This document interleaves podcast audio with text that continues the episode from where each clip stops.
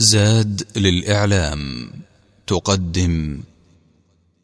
إن الحمد لله نحمده ونستعينه ونستغفره ونعوذ بالله من شرور أنفسنا وسيئات أعمالنا. من يهده الله فلا مضل له ومن يضلل فلا هادي له وأشهد أن لا إله إلا الله وحده لا شريك له وأشهد أن محمدا عبده ورسوله. أما بعد فإن خير الحديث كتاب الله وخير الهدي هدي محمد بن عبد الله صلى الله عليه وسلم وشر الأمور محدثاتها وكل محدثة بدعة وكل بدعة ضلالة وكل ضلالة في النار.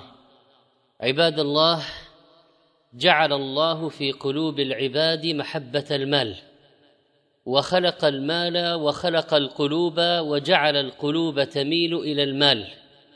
المال ميل تميل إليه النفوس يتمول ويتخذ وتحبون المال حبا جما.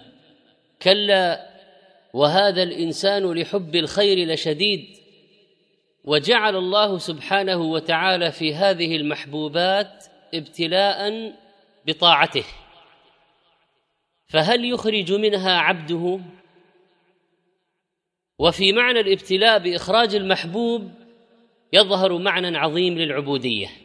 فإن تعبيد الناس لله من أسسه في الشريعة إخراج المحبوب لله والتنازل عن شيء من هذا المحبوب لعلام الغيوب سبحانه وتعالى. ومن هنا كان إخراج الزكاة. هنالك عبوديات على الجوارح وعبوديات للقلب وعبوديات في الأموال. وقد كانت الزكاة ركنا من أركان الإسلام دليلا على أهمية هذا النوع من العبودية. وهذه الزكاة فيها أعمال كما يدل عليه قوله سبحانه والذين هم للزكاة فاعلون. فاعلون يفعلون ماذا؟ هذا الإخراج.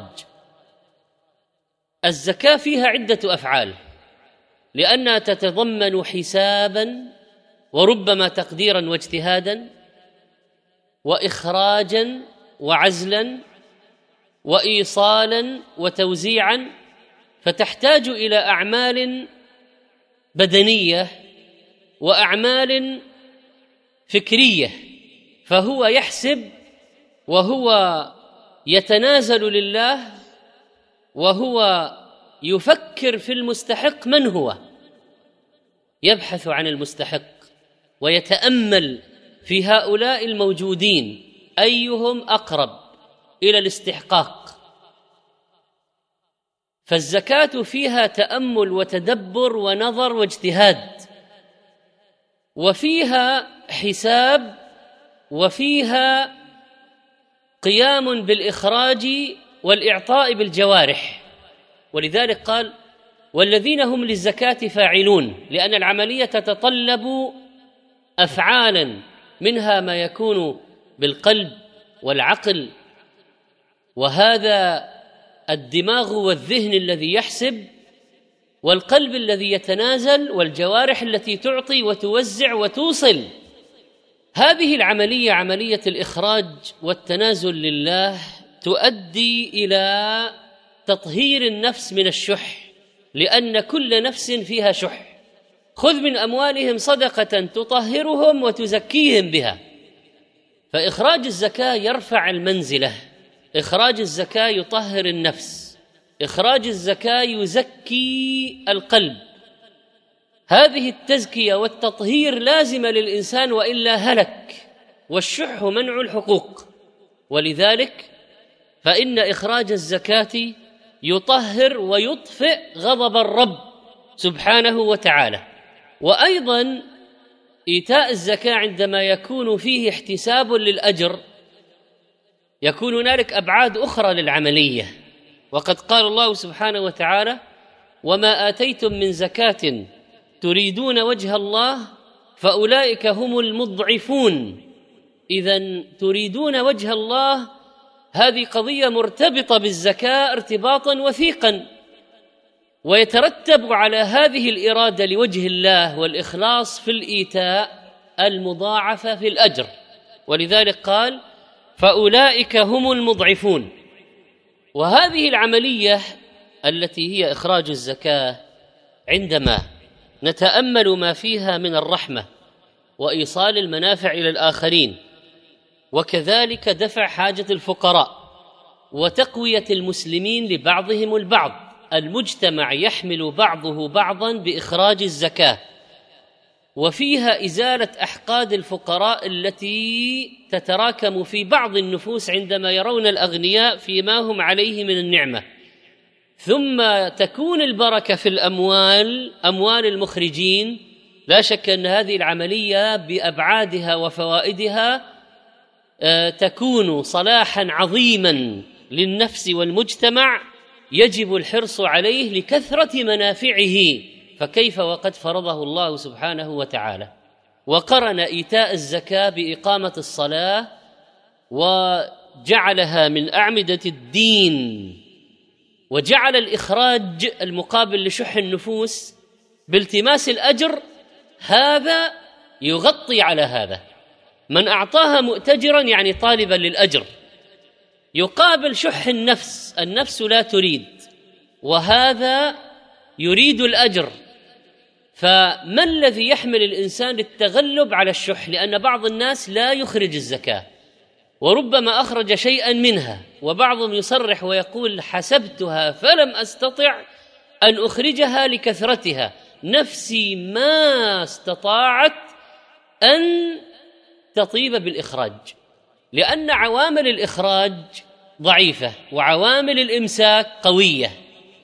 فجاء الشرع بعوامل البذل مؤتجرا بها تريدون وجه الله فطيبة بها نفسه. هذه الأشياء هي التي تحمل الإنسان على الإخراج لأن الإخراج يحتاج إلى قوة دافعة للتغلب على حب المال المركوز في النفس. عندما تأتي النصوص بأن إخراج الزكاة فيها زيادة. النفس ترى أن العشرة آلاف إذا أخرجت زكاتها تصبح تسعة آلاف وسبعمائة وخمسين. فلا ترى النفس أو العين إلا الرقم لا ترى إلا النقص. العشرة آلاف صارت تسعة آلاف وسبعمائة وخمسين. بعد الإخراج فيقول أين الزيادة؟ الزيادة لا يشترط أن تكون مرئية. الزيادة لا يشترط أن تكون أرقاما لأن الزيادة تكون بركة أيضا والزيادة تكون عوضا يأتي لاحقا. أيضا ناهيك عن الأجر الذي يكون في الآخرة. فاذا إذا قال ما لي نقص بالزكاة؟ أين الزيادة التي تتكلمون عنها؟ فالزيادة يا أيها الإخوة والأحبة تحصل من جهات أخرى. تحصل بأن بقية المال الذي زكي صار يكفي أكثر مما يكفي المال قبل الإخراج. بركة. ويأتي الله بأرزاق لاحقا للمزكي فتزيد الأرقام أيضا التي نقصت. أما إذا جئت تحسب يوم القيامة ماذا سيحدث لهذا المزكي من الأجر والثواب؟ فهذا لا يمكن حسابه إلا عند رب العالمين. منع الزكاة في الشريعة نلاحظ أن المسألة فيها تفاعلات عظيمة وفيها آه، آثار ضخمة في عملية منع الزكاة سواء في الدنيا أو في الآخرة.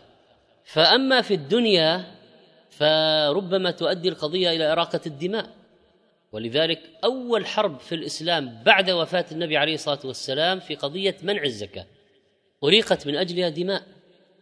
فإذا تصل القضية إلى حديث ومن أبى فإنا آخذوها وشطر إبله أو ماله عزمة من عزمات ربنا يعني حقا من حقوقه.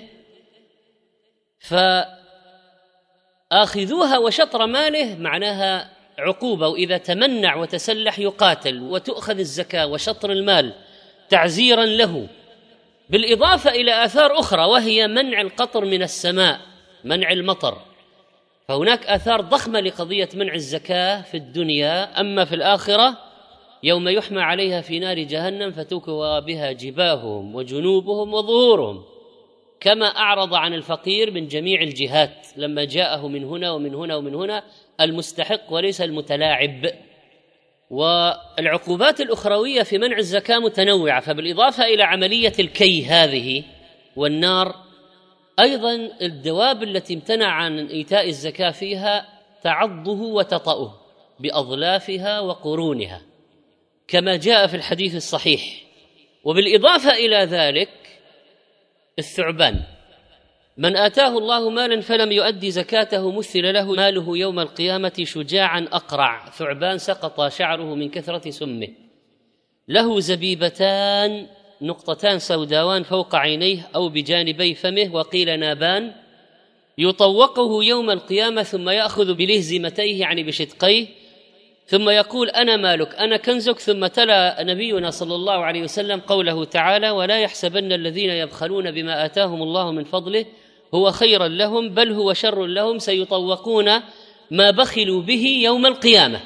فإذا في الدنيا نزع البركة ومنع المطر والقتال الذي يحصل لمانعها ثم التعزير بأخذ نصف المال وفي الآخرة قضية كي الجباه كي الجلد بالنار ووطء هذه المواشي لمانع الزكاة وعضه وكذلك الثعبان يتحول كنزه لثعبان فإنه لا يزال به وعملية التعذيب مستمرة في يوم كان مقداره خمسين ألف سنة ثم يرى سبيله إما إلى الجنة وإما إلى النار كما جاء في الحديث الصحيح. وإذا نظرنا يا عباد الله إلى اللعنة فقط لاوي الصدقة من الملعونين على لسان محمد صلى الله عليه وسلم رواه النسائي وهو حديث حسن واللاوي هو المانع. لكن عندما نعود إلى مسألة هذه الزكاة ماذا يوجد فيها من الحكم والأحكام؟ وإذا تأملتها وجدت فيها لله رحمة وعدله. فمثلا تجد أن هذه الزكاة جاءت وفيها مراعاة للمال الذي يخرج منه وفيها تفريق في المقادير وفيها مراعاة لتعب الإنسان. فعندما يقول لك مثلا الركاز كنز معثور عليه ما تعب الشخص في جمعه. من أيام الجاهلية يقول هذا فيه الخمس عشرين في المئه لكن عندما تأتي إلى المواشي مثلا فإنه يقول لك إنها إذا كانت ترعى مما أنبته الله من الكلأ والمرعى ففيها الزكاة كما هو معروف في خمس من الإبل وأربعين من الغنم وهكذا لأنها ترعى بغير كلفة ولا مشقة وأيضا تنمو بنفسها وتتكاثر. فإذا علفها صاحبها وصار هو الذي يشتري لها الشعير فليس فيها زكاة. مهما تكاثرت عنده. فعندما يقال لصاحب المواشي ما عليك زكاة إذا كنت أنت الذي تنفق على العلف. إلا إذا صرت تبيع دخلت في عروض التجارة فقومت بعروض التجارة وصار لها بند آخر. لكن إذا ما كان يبيع يتخذها للدر والنسل له هو فيقال له إذا كنت تعلف فلا زكاة. وعندما تأتي إلى مسألة الزروع والثمار أولا نجد بأن ليس كل ما ينبت في الأرض فيه زكاة. فمثلا البقول والمقاثي ليس فيها زكاة. الزكاة في الزروع زكاة الزروع والثمار تأتي في أشياء معينة مثل ما يقتاته الناس. ما يقتاته الناس. ويقول لك إذا كان يسقى بماء السماء العشر لأنك لا تتعب في سقيه. ينبت على شواطئ الأنهار فالنهر يسقيه. ينزل المطر فالماء ماء السماء يسقيه. فيه العشر. وإذا كنت أنت الذي تسقيه وتستخرج له الماء وتجلب له الماء نصف العشر.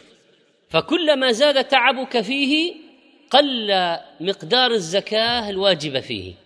وإذا كان يسقى هكذا وهكذا قال العلماء ثلاثة أرباع العشر يعني بين العشر وبين نصف العشر. فهنالك اذا تناسب يعني هناك مراعاة لتعب العبد. وأيضا لا نجد أن الزكاة في كل الأموال بل ذهب وفضه ماشية الزروع والثمار عروض التجارة. بقية الأموال لا زكاة فيها. وهذا لفت نظر من الشرع إلى الأموال الحقيقية لأن هنالك أموال وهمية كما دلت على ذلك الأزمة المالية. ولذلك خبراء الاقتصاد المتعمقين ينادون بالعودة إلى الأموال الأصلية.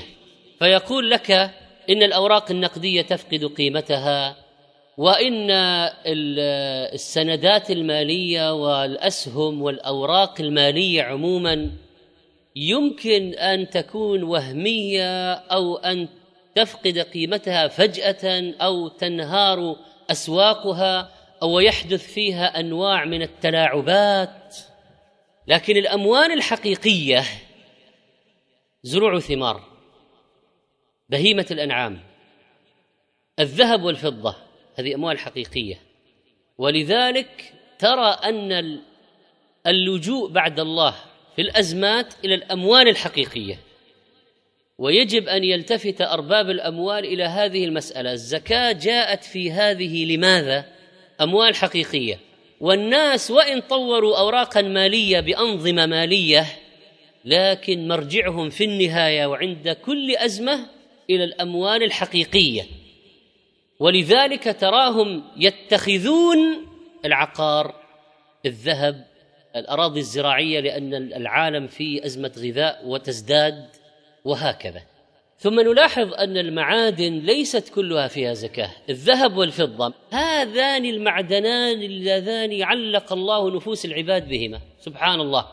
الناس لا يتخذون للتبايع معادن أخرى إلا هذين المعدنين. ولذلك الزكاة في الذهب والفضة وسبحان من جعل في هذا المعدن الأصفر قيمة وتعلقا للنفوس به ليس كقيمة أي معدن آخر. فجاءت الزكاة فيهما الذهب والفضة لأن الدراهم والدنانير المال الأصلي هو ذهب وفضة. هذا هو المال الأصلي وسيعود إليه البشر إذا زادت أزماتهم المالية. عباد الله هنالك أموال تنمو بنفسها كالزروع والثمار الماشية وهناك أموال تنمو بالتقليب الذهب والفضة عروض التجارة. فما هو قابل للنماء فيه الزكاة. وتصبح العقارات عروض تجارة إذا نوى البيع فإذا لم ينوي البيع فليست بعروض تجارة. أرض لا تزيد من جهة الطول والعرض. فإذا اتخذها للتجارة نلاحظ أن القيمة تزداد فعندما يضارب بالعقارات ترتفع أسعارها وحبس العقار يراكم الزكاة فيضطر صاحب العقار للتصرف فيه حتى لا تأكل الزكاة أرباحه فيتسارع تداول العقار في البلد فلا تكون فيه الأزمة الموجودة التي من أسبابها عدم إخراج أصحاب العقارات زكوات عقاراتهم إذا اتخذوها للتداول والتجارة لأنهم إذا نظروا في هذه المتراكمات من الزكوات احتاجوا لبيعها بسرعة ولا يمسكون هذا الإمساك الطويل الذي يؤدي إلى أزمة العقارات. عباد الله الشرع نظر إلى عين المال. فأوجب زكاة العين في الذهب والورق لشرفهما دون الحديد والرصاص والنحاس وأوجب زكاة الخارج في أشرفه وهو الحبوب والثمار دون ما هو أدنى. أتستبدلون الذي هو أدنى بالذي هو خير؟ لأنهم ماذا قالوا؟ لن نصبر على طعام واحد. ادع لنا ربك يخرج لنا ما تنبت الأرض من بقلها وقثائها وفومها وعدسها وبصلها.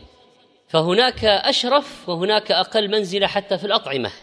وأيضا فإننا نجد أن حجم هذه الماشية يختلف في إخراج الزكاة وليست القضية بالعدد بل بالنوع أيضا. فخمس من الإبل فيها شاة لكن الشاة لا تجب في الغنم إلا في أربعين وفرق بين هذا وهذا. وأيضا نرى أن الشرع لم يجعل الزكاة في الأمور التي تحتاجها تعلقت حاجتك بها. بيوتك لا زكاة فيها سياراتك لا زكاة فيها أثاث بيتك لا زكاة فيه العبيد والإماء لا زكاة فيهم يخدمون الإنسان. وكذلك فإنك إذا اتخذت من الأشياء المستعملة فلا زكاة فيها إلا الذهب والفضة لأنها أموال. وعندما يكون الدين على مماطل لا زكاة فيه. وعندما يكون على معسر لا زكاة فيه. وعندما تكون المساهمات متعثرة والمال غير مقدور على تحصيله ولا التصرف فيه أو محجور عليه فلا زكاة فيه. اذا الرحمة بالناس واضحة من خلال الزكاة. رحمة الله تعالى. مال لم يبلغ نصابا لا زكاة فيه. ولذلك قول بعضهم الحلي مثلا تفنى بالزكاة. لا لأن إذا بلغت أقل من 85 غراما فلا زكاة فيها. فمراعاة أصحاب الدخول المنخفضة أو الممتلكات المنخفضة في الزكاة واضح جدا لأن الزكاة للمواساة وليست لإفناء أموال الناس. إذا كانت في الألف خمسة وعشرين في الألف اثنين ونصف في المئة. هو مقدار يسير جدا اثنين ونصف في المئة. فما كلف الله العباد فوق طاقتهم لا كلفهم بإخراج نصف أموالهم ولا قال لهم أخرجوها كل أسبوع ولا كل شهر؟ كل سنة. كل سنة. أليس هذا من رحمته؟ أليس هذا من عدله سبحانه أنه اشترط حولان الحول لهذا الإخراج؟ وعندما يقال الربح تابع للأصل ما أنتجته المواشي تبع الأصل وربح التجارة تبع الأصل لأنه نتج عنه فيضم إليه هو تابع له. عباد الله إن ربكم حكيم عليم. نسأل الله سبحانه وتعالى أن يبارك لنا فيما آتانا وأن يفقهنا في ديننا وأن يقينا شح أنفسنا وأن يجعلنا من القائمين بفروضه. إنه هو السميع العليم. أقول قولي هذا وأستغفر الله لي ولكم فاستغفروه إنه هو الغفور الرحيم. الحمد لله أشهد أن لا إله إلا هو وحده لا شريك له لم يتخذ صاحبة ولا ولدا وأشهد أن محمدا عبد الله ورسوله الداعي إلى سبيله البشير والنذير والسراج المنير. أشهد أنه رسول الله حقا صلى الله عليه وعلى آله وصحبه وذريته وخلفائه وأزواجه والتابعين لهم بإحسان إلى يوم الدين. عباد الله لما كانت الزكاة حقا في المال لم ينظر فيها إلى طبيعة المالك. هل هو صغير؟ هل هو عاقل؟ وإنما نظر إلى المال. الزكاة حق في المال. ولذلك يجب أداؤها في أموال اليتامى وبالتالي تكون من مسؤولية ولي اليتيم المتاجر له في ماله حتى لا تأكله الزكاة. لأنه إذا بقي محبوسا سنين بغير تقليب ينقص فكان من كرم ولي اليتيم أن يتعاطى في ماله بما ينميه ومن رحمة الله سبحانه وتعالى أنه لم يوجب زكاة في مال لم تستقر ملكيته للعبد ولم يكن ملكه عليه تاما. ولذلك أجرة البيت قبل تمام المدة ليست مستحقة استحقاقا كاملا. فإذا حال عليها الحول واستحقت وجبت الزكاة فيها. وكلام العلماء في مسائل الزكاة جار على قاعدة الشرع في العدل والحكمة في الإخراج. فلذلك عندما لا يستطيع إخراج الزكاة من صنفها وهذا هو الأصل الزرع من الزرع والماشية من الماشية فإنه يعدل إلى القيمة عند الحاجة. يعدل إلى القيمة عند الحاجة. وأيضا فإن الزكاة فيها تفكير في قضية الإخراج لفقراء البلد. لأن فقراء البلد يتطلعون إلى أغنياء البلد ولذلك لا تنقل إلا عند الحاجة. فإذا لم يوجد فقراء أو وجد حالات أشد وأصعب أو ذو قرابة في مكان آخر نقلت إليهم. وإلا فإن الأصل أن الزكاة تخرج في مكان المال. فإذا كان المال في هذا البلد تخرج الزكاة في هذا البلد. المال في بلد آخر تخرج في بلد آخر ويجوز نقلها للحاجة فإن بعض الناس أموالهم في مصارف في بلاد الكفر فلا بد أن تنقل إلى المسلمين لأن مواساة المسلم للمسلم في الزكاة واضحة ولذلك لا تعطى الزكاة لكافر إلا لمصلحة الإسلام.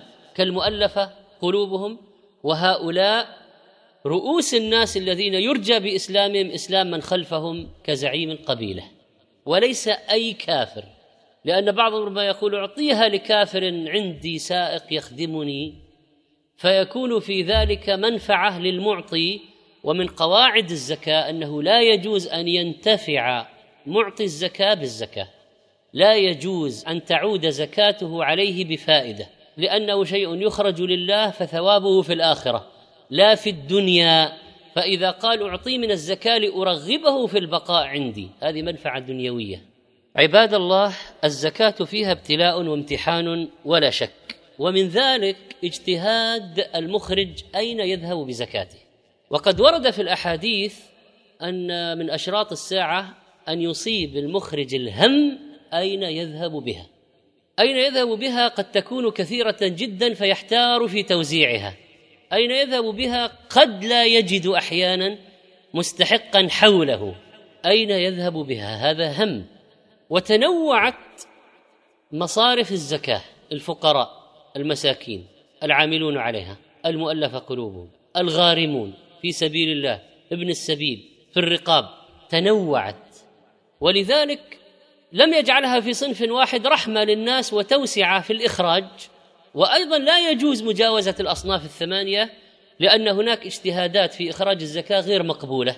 فمنهم من يتصرف بالزكاة نيابة عن الفقير وهذا لا يصح لأن الله قال إنما الصدقات للفقراء لام لام التمليك أنت تعطيه هو الذي يتصرف.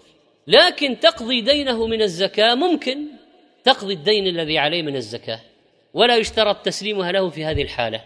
فإذا كان غارما جاز إعطاء الغريم مثل إعطاء إيجار بيت الفقير لصاحب المنزل أو وكيله بدون أن تمر على الفقير. هذا إذا خشي أن لا يحسن التصرف لأن هنالك في الناس مدمنو مخدرات. هنالك في الناس من ينفقها في المعاصي ولا يعطي أولاده شيئا. هنالك في الناس أنواع ولذلك قضية يهم الرجل أين يذهب بصدقته. هذا الهم الذي أخبر عنه صلى الله عليه وسلم موجود أين يذهب بصدقته؟ فعلا. أين يذهب بصدقته؟ لمن يعطي صدقته؟ ولذلك الزكاة من ضمن المسؤولية الشرعية فيها الاجتهاد والنظر. قد يكون الاجتهاد أحيانا في تقدير المال. ما تستطيع أن تعطي رقما واضحا. هذه مستودعات فيها بضائع. هذه أرض قيمتها آه، تقديرية. هذا المكتب يقدرها بكذا وهذا المكتب يقدرها بكذا. فيحتاج الإنسان إلى اجتهاد في معرفة الرقم الذي سيخرج الزكاة بناء عليه. ما عندك سيولة؟ يقول العلماء سجلها على نفسك حتى تأتيك السيولة لتخرج دين الله وتكتب في الوصية أن هذا الدين أول دين يقضى عن الميت الزكاة دين الله أو أحق بالقضاء. هذا إذا لم يستطع فإذا استطاع أن يبيع ما لا تتعلق به حاجته ليخرج الزكاة فيجب أن يفعل ذلك. ولكن لا تلزمك الشريعة أن تبيع بثمن بخس ولكن إذا وجدت لها ثمنا ليس يشترط أن يكون كما ترجو فالناس دائما تتمنى السقوف العالية في الأسعار. فإذا وجدت لها ثمنا فإنك تبيع وتخرج بلا ضرر عليك وتقليب الأموال بين الناس مقصد شرعي. لأن قولك لا يكون دولة بين الأغنياء منكم يعني محصور في الأغنياء. فكلما زاد تقليب السلع بين الناس استفاد المجتمع. والاجتهاد في التقدير الذي لا يمكن حصره بالرقم المعين والاجتهاد في الإعطاء للفقير مطلوب فالمزكي لا يخلو من اجتهاد. ثم إذا اجتهد فأعطى فتبين له بعد ذلك أن هذا يمكن أن يكون عنده تلاعب فإن الذمة برئت لأنك عندما أعطيت أعطيت على ظن راجح أن هذا مستحق فبرئت الذمة. ولأنك لم تعطي عشوائيا وإنما اجتهدت فلو أخطأت في الاجتهاد فالإثم مرفوع والذمة بريئة. اللهم إنا نسألك أن تعيننا على ذكرك وشكرك وحسن عبادتك يا أرحم الراحمين. والحرص يا إخواني على استفتاء أهل العلم وهذه الإعادة إلى العلماء وحصر الفتوى فيهم أمر مهم جدا لكي تستقيم أمور الفتوى ولكي يتم رجوع الناس إلى أهل العلم. ومن المسؤولية العظيمة التي ألقاها الله سبحانه وتعالى على ولاة الأمر منع المتساهلين في الفتوى وإحالة الفتوى على أهلها ويجب أن يوفر للناس من يقوم بإفتائهم. فإن كثيرا يريدون معرفة الجواب ولا يجدون من يجيبهم. نسأل الله سبحانه وتعالى أن يرزقنا العلم النافع والعمل الصالح وأن يغفر لنا ذنوبنا وإسرافنا في أمرنا وأن يصلح نياتنا وذرياتنا وأن يتقبل صيامنا ويحسن خاتمتنا. أيها الإخوة كل رمضان فيه عبر ففي أيام مضت سمعنا عمن مات في صلاة التراويح فهنيئا له. وسمعنا عن محرم جاء في المطار على كاونتر الانتظار أو على هذه المنصوبات والمقامات للمسافرين فإذا به يسقط في إحرامه نسأل الله سبحانه وتعالى أن يجعلها شهادة ويكون حسن الخاتمة لإنسان محرم أو ساجد في صلاة التراويح عبرة للآخرين. لنجتهد في الأعمال الصالحة لعل لقاء الله يكون لنا ونحن على عمل صالح. اللهم إنا نسألك حسن الخاتمة وفقنا لما يرضيك وباعد بيننا وبين ما لا يرضيك يا أرحم الراحمين. تقبل صلاتنا ودعاءنا وصيامنا وذكرنا. يا أرحم الراحمين أعنا على ذكرك وشكرك وحسن عبادتك. نسألك فعل الخيرات وترك المنكرات وحب المساكين. وإذا أردت بعبادك فتنة فاقبضنا إليك غير مفتونين. اللهم آمنا في الأوطان والدور وأصلح الأئمة وولاة الأمور. واغفر لنا يا عزيز يا غفور. سبحان ربك رب العزة عما يصفون وسلام على المرسلين والحمد لله رب العالمين.